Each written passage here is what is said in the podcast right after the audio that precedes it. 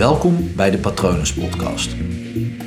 Mijn naam is Paul Vet en in deze podcast deel ik inspiratie voor een leven vol vrijheid en verbinding.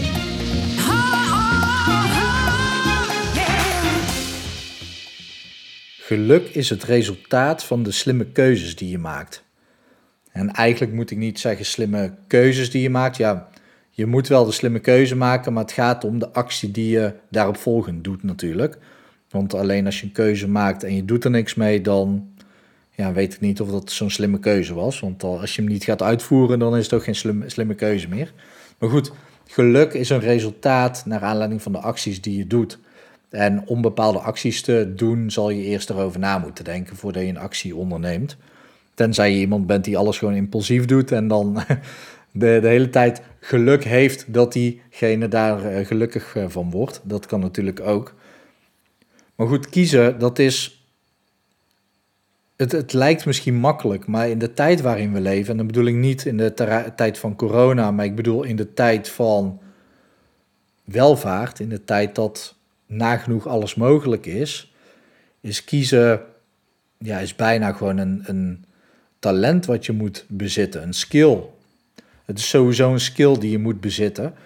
Toen ik uh, bij T-Mobile werkte, ik heb daar langere periode gewerkt, maar ik heb ook op een salesafdeling gewerkt.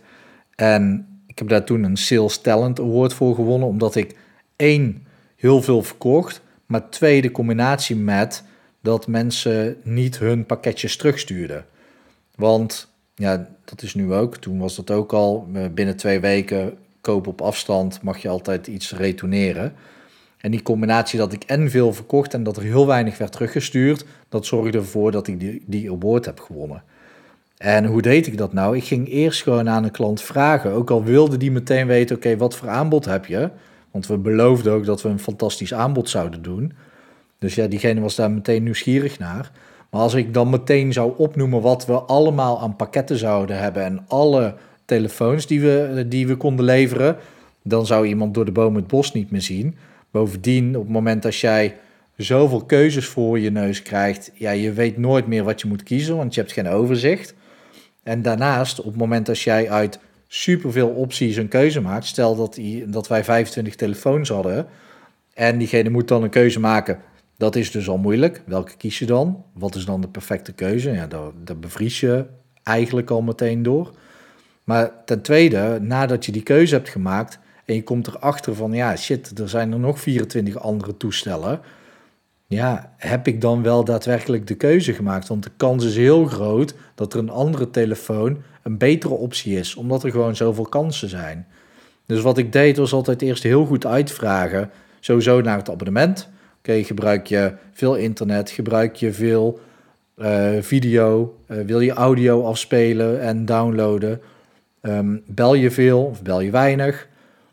Um, daarna ook over de telefoon. Oké, wil je foto's maken? Wil je, wil je filmen? Wil je video's bekijken? Uh, wil je een grote telefoon, kleine telefoon, zware telefoon, lichte telefoon?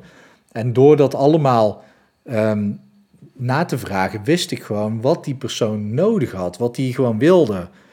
Um, misschien wilde die op voorhand wel een hele andere telefoon met abonnement, maar door de vragen die ik uh, die persoon stelde, kon ik gewoon heel gedegen advies geven. En vaak gaf ik dan maar twee opties. En bijna iedereen zei dan heb je niet een derde, want twee voelt altijd als een dilemma. En het derde geeft je al keuzemogelijkheden, het gevoel dat je vrije keuze hebt. Maar ja, je hebt maar drie opties, dus de kans dat je de juiste kiest voor je gevoel is al heel goed. En je hoeft niet zoveel moeite te doen voor het maken van een keuze. Um, bovendien kon ik daar dan ook nog een beetje in sturen. Dus op het moment als iemand dan een keuze maakte en ik bevestigde dat dat de juiste keuze was, ja, dan was het helemaal kat in het bakkie natuurlijk. Niet voor niks dat ik zo'n award heb gewonnen. Maar dat is het dus met kiezen. Op het moment als, uh, als je de mogelijkheden te over hebt, en die hebben wij in deze wereld, we kunnen overal voor kiezen. We kunnen bijna elke soort baan die we willen doen, kunnen gewoon krijgen. Uh, op de ene, een of andere manier gaat je dat wel lukken als je dat echt wil. Um, zo ook met hobby's, zo ook met vrienden, zo ook met partners. Er zijn er gewoon te veel. We hebben gewoon te veel opties. En het belangrijkste is dus dat je kiest en dat je een slimme keuze maakt. En dat je niet een keuze maakt eh, die slim is dat, dat het de perfecte keuze moet zijn. Want hoe groot is de kans dat je in die miljarden keuzes die je kunt maken in je leven, dat je de perfecte keuze maakt? Ja, die is klein. Alleen een perfecte keuze zal nooit een perfecte keuze zijn op het moment dat je geen actie onderneemt. En op het moment dat jij blijft twijfelen over die miljarden keuzes, dan zal je dus geen actie ondernemen. En wil je gelukkig zijn, zal je actie moeten ondernemen. Want in beweging vind je geluk, niet in stilstand. In stilstand stomp je af en word je ongelukkig. Beland je in een bore-out. Ehm, dan word je eenzaam en je hebt niet het idee dat je leven ertoe doet. Je hebt geen zingeving meer. En wat iemand laatst tegen mij zei, mijn mentor uh, Tibor Olgers, die zegt ja, zingeving, ehm, dat is de zin die je zelf aan het leven geeft. Want het leven heeft eigenlijk geen zin behalve leven. En dat vind ik een hele mooie. En alles staat of valt met keuzes. De keuzes die je maakt. En op het moment dat jij kiest voor iets, voor één ding, dan is dat ding meteen schaars. Dan, ja, dan, dan doen alle andere keuzes er dus niet meer toe. Als je er volle, voor de volle 100% voor kiest en zegt: Oké, dit ga ik doen, dan is dat ding opeens schaars in jouw leven. Want dan, dan gaat het alleen maar om dat ene ding. En als er maar één van is, is het automatisch schaars. Die ene plas water in een woestijn is zoveel meer, waard dan een plas water midden in een moeras. Als je een hele grote tuin hebt en je plant één bloem in het midden, wordt die zoveel meer, meer waard dan wanneer je er 100 of 200 andere bloemen omheen zet. Die ene partner, ja, die is zoveel meer waard dan wanneer je er tientallen hebt. En dat weet jij. En daarom is kiezen belangrijk. En je kan nooit de perfecte keuze maken. Ehm, maar als je een keuze maakt, is dat al perfect genoeg. Want dan kom je in actie, dan kom je in beweging. En dan weet je vanzelf of dat iets een juiste keuze is. Natuurlijk is het wel slim om vooraf iets af te wegen. Maar ja, er zijn gewoon heel veel mensen die bijvoorbeeld tientallen dingen leuk vinden. Die een nieuwe hobby willen kiezen en dan denken, ja, ik kan echt uit tien dingen kiezen. En dan een jaar gaan wachten met het gaan doen van een hobby. Je kan beter dan een jaar een hobby doen en er dan achter komen van, hey, dit is niks. Dan heb je er in ieder geval één afgestreept. En je hebt ook een jaar uh, onderzocht. Nou denk ik dat je daar niet eens een jaar voor nodig hebt. Maar het gaat om die stap zetten. Het gaat om het proberen. Het gaat om in beweging komen en kiezen. En dan bedoel ik dus niet dat je kiest en dat je er dan gaandeweg achter komt dat het niet de juiste keuze is. Tenminste, dat je denkt dat het niet de juiste keuze is omdat je tegenslag krijgt. Nee, tegenslag krijg je altijd onderweg. Als je stilstaat, dan krijg je weinig tegenslag. Dat klopt. Maar op het moment dat je in beweging komt, dan krijg je tegenslag. En dat is niet een teken dat je om moet draaien. Tegenslag is een teken dat je sterker mag worden. Dat je mag groeien. En het gaat dus niet om opgeven bij tegenslag. Het gaat om juist die tegenslag gebruiken om je aan op te trekken. En ja, op het moment dat je er zo naar kijkt en op deze manier met keuzes omgaat, dan snap je ook dat het om, om kiezen gaat. En het is zoveel belangrijker om, om te kiezen dan om te denken dat je een perfecte keuze kan maken.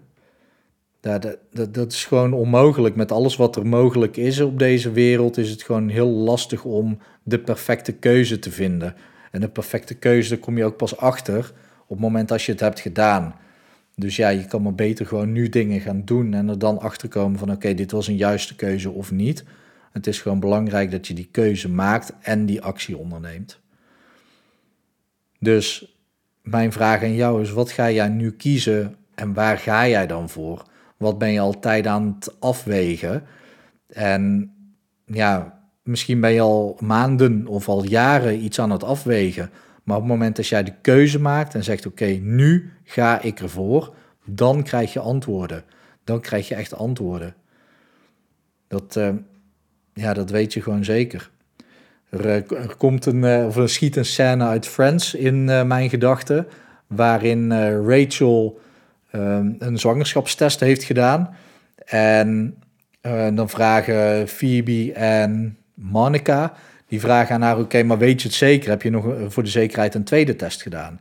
Nou, ze doet een tweede test en ze durft zelf niet te kijken. Dus Phoebe kijkt en die zegt, je bent niet zwanger. En mee is Rachel teleurgesteld. Terwijl ze daarvoor eigenlijk hoopte van, ja, misschien ben ik gewoon niet zwanger en valt het allemaal wel mee. Want ze was zwanger van Ross. En op het moment dat Phoebe zei, nee, je bent niet zwanger. Excuses voor dat geluidje tussendoor. Ehm, op het moment dat Phoebe zegt, nee, je bent niet zwanger. En die teleurstelling voelde ze. Toen wist ze, hey, ik had het toch wel fijn gevonden om zwanger te zijn. Nu was het een heel gevaarlijk spelletje wat Phoebe speelde. Want ze bleek dus toch wel zwanger te zijn. Maar precies vanwege dit. Nu wist ze zeker, oké, het is een goede keuze om zwanger te zijn en zwanger te blijven. Uh, misschien een gekke metafoor, maar juist in de actie, in de keuze maken, kwam uh, Rachel erachter. Ja, dit is wat ik dus te doen heb. En um, ja, dat weet je dus niet als ze niet die stap had gezet om die ene nacht met Ross door te brengen. Ook al was het een, uh, een ongelukje. en weet je niet waar ik het precies over heb, dan moet je maar even uh, zoeken naar aflevering 16 van seizoen 8.